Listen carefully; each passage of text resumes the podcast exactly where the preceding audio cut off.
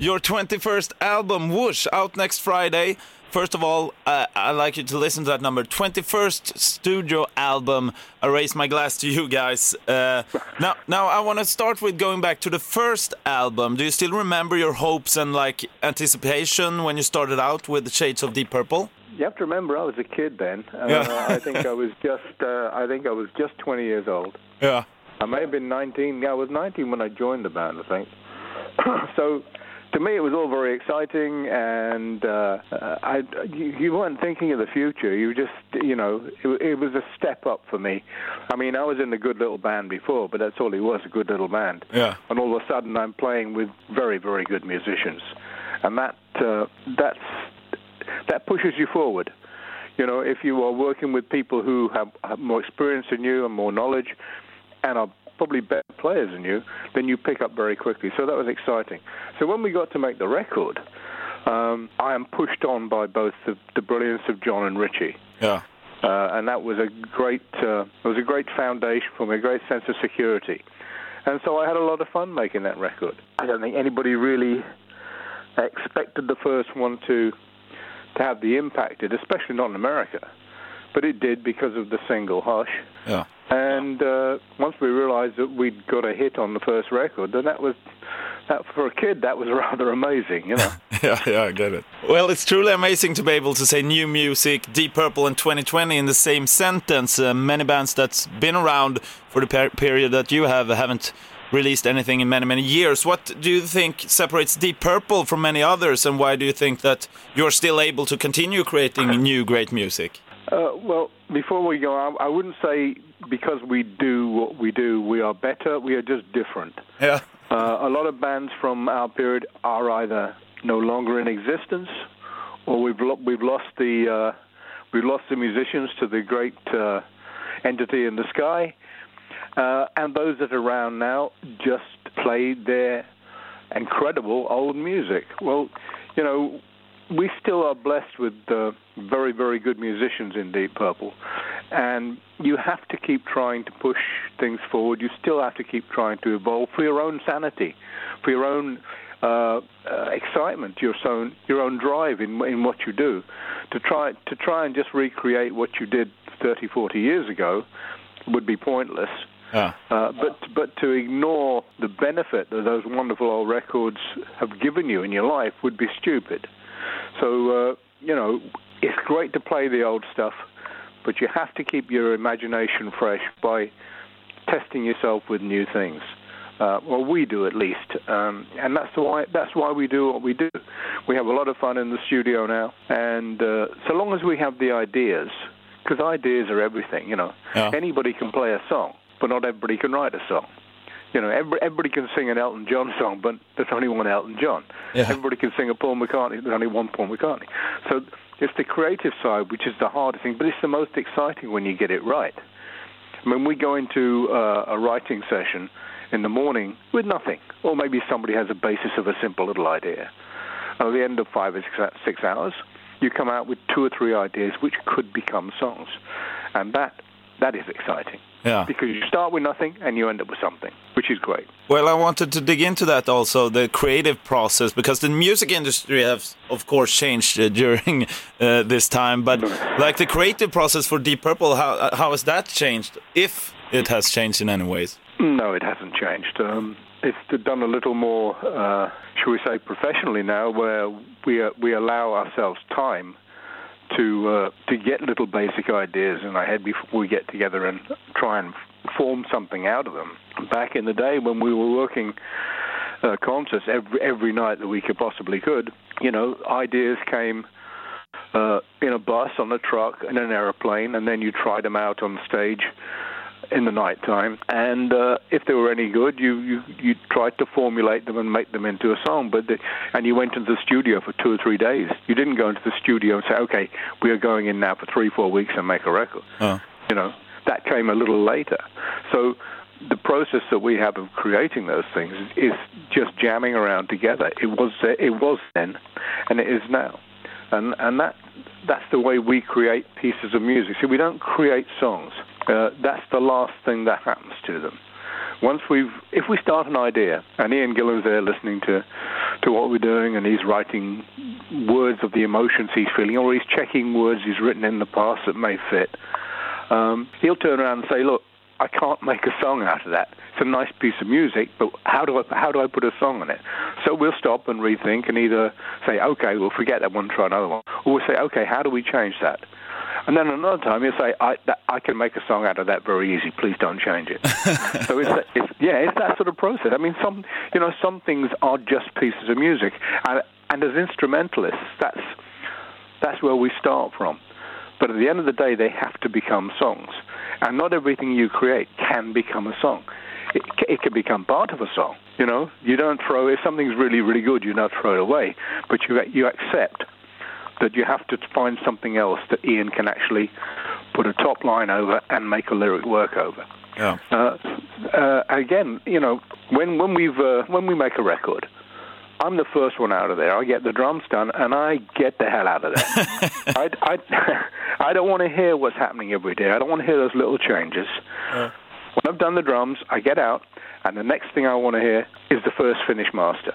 If I have a little comment on it, yes, I can change little bits and pieces. But I want to hear the record like you guys would hear the record. Yeah, I okay, it. I have, a, I have a little closer insight. Of course I do. But quite often when I hear the record, I've never never heard what Ian has, has come up with for the top line of the lyrics. So for me, it's that's that's a mystery too, wow, yeah. which which I find very refreshing because I don't want to know I don't want to know those little changes every day. They drive me nuts. yeah. The drums are okay, got them right. I'll leave you guys get on with it. All right, yeah, that's interesting. Uh, now, the name of the album, Whoosh, uh, how, how did that come by? Um, well, this is a, another uh, Ian Gillanism. Ah. Uh, we just it can mean two things really. Uh, in our career, you know, it's 50 years now, uh, 52 if you go back to when I started. Yeah. Um, some things seem like a long time ago, but some things seem, you know, from 40 years seem like yesterday. And you look back at the career and you go, it's like, whoosh, it's just gone so fast. So using it in that context, that's the that's the way that word uh, applies to to the career of the band. It's whoosh, it's gone. Where did 50 years go? How did that happen? You know. And the other way is uh, to look at humanity. You know, we've only been on the planet a little while, and the way we're going on, we might not be here much longer. Um, so whoosh, gone again. You know, the, the, the way that time just escapes you.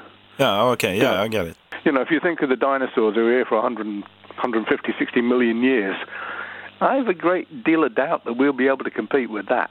No, exactly. I get it. Uh, now, you're the only member that's always been around. Uh, what era in Deep Purple would you say was the most craziest one? Um, I think once once Ian Gillan and Roger Glover joined the band, and there was a, a fundamental change in how the music was being created and recorded and played. Everything became a lot harder, not through intention. That's just the way it happened. Yeah. And we realized that that was having a, an effect on a lot of people around the world. That was pretty amazing, Yeah, you know. yeah, definitely. When In Rock, yeah, When In Rock came out, and the world sort of clutched it to its bosom and said, "We really like this." Um, then you had a feeling that whatever you were doing was sort of um, on the right track, and for a lot of people, quite important. You know? Of course, it's important for us, but in a different way. But a lot of people refer back to that album, especially young musicians, and they say they got their inspiration of how they want to play from that record, from those seven songs. Now, of course, you don't know that at the time, but later on in, in your career, and 20 years down the road from the release of the, the record, you realize it, for a lot of people, what you did was very important, and that that's pretty cool. Yeah, definitely. Well, you're, you're into it kind of like now the song "Smoke on the Water." Everybody knows that. Uh, when did you realize that the song had become larger than life, so to speak? Well, we never thought much of it at all. We were we were short one track for a record, for the Machine Head record, and we just remembered we'd we jammed this backing track, the first the first thing we did, just to get a sound. And we said, well, let's listen to that one again. We'll see if that's okay. And we sort of it's okay. And then Ian and Roger came up with the idea of telling the story of the recording in Montreux. Yeah. And we put it on the record just thinking of uh, an album track. Uh, but it's only um, some guy in America had uh, heard the record and said it's a great track, but it's too long. So Warner Brothers in America just edited it. They took it down to about three minutes and they released it. They put the full size, full length version on the back, the shorter version on the on the A side, and that it took off in America and became a massive hit. And then it went around the world that way. So all of a sudden, this little song we didn't think too much about had become the most important song on the record, probably the most important song in, in, the career of the band. But that's you know, crazy how it works you sometimes. Don't, you don't see you don't see the wood for the trees. You you know you're so inside it, you don't actually see or feel the effect that it maybe has on somebody on the outside. Yeah. And with that track, it was that was certainly true. Yeah, definitely. Now, yesterday I played a lot of uh, Deep Purple because it was Steve Morse's birthday. Did you remember to congratulate him? No, no, we don't talk about birthdays. All right. no, no, no, no. No, no, no. no, no, no. Another year gone. yeah, exactly. Whoosh. Yeah, exactly. Uh, now, for you personally, then, uh, what is one of the greatest moments or achievements that you have experienced during your vast career? Well, I think the success of Deep Purple has given me the great opportunity to play with other musicians, really great musicians, yeah. um, which without the vehicle of Purple to make people know who I am, that would never have happened. So getting to play with Sir Paul McCartney and Gary Moore and I mean, you, you, and uh, the odd jazz musician, you know, getting to have a little bash with the Buddy Rich Orchestra, those sort of things. That, when you look back afterwards and you look at your CV, you go, hey, I did some pretty good stuff playing with an orchestra. Although I didn't really always enjoy it, I've done it, and I know I can do it. Oh. And and those sort of things, when you look back, you think, yeah, okay, I did I did all right. Definitely. uh, now, uh, finally, what is what would be your advice for artists uh, that want to make it now in 2020? Well, want it, but don't expect it. Uh, I don't think anybody who goes into any any artistic endeavor should go with the belief that it's going to happen just the way they think it should. I mean, there are a lot of wonderful musicians and wonderful drummers around the world who you'll never hear of. They're just either in the wrong place at the wrong time, or they play the wrong music, or, or, or luck is just against them. So, you know, it's a lottery. You, know, you buy your ticket, and hopefully it gets drawn. but you must, but you must always believe what you do and enjoy it. You know, because if, if you enjoy it, you at least keep yourself happy. If something else happens, just treat that as a bonus, because that's all you can do but true to yourself and uh, do, do what you feel is right. Yeah. Don't, don't be swayed what some other people tell you is right for you because it may not be. And you won't be happy. Wise words, Ian. Uh, now, uh, Whoosh is out next Friday. Uh, thank you very much for taking the time, Ian, and I'm looking forward to the album. Thank you. Thank you for the nice interview, Janne. Ett poddtips från Podplay.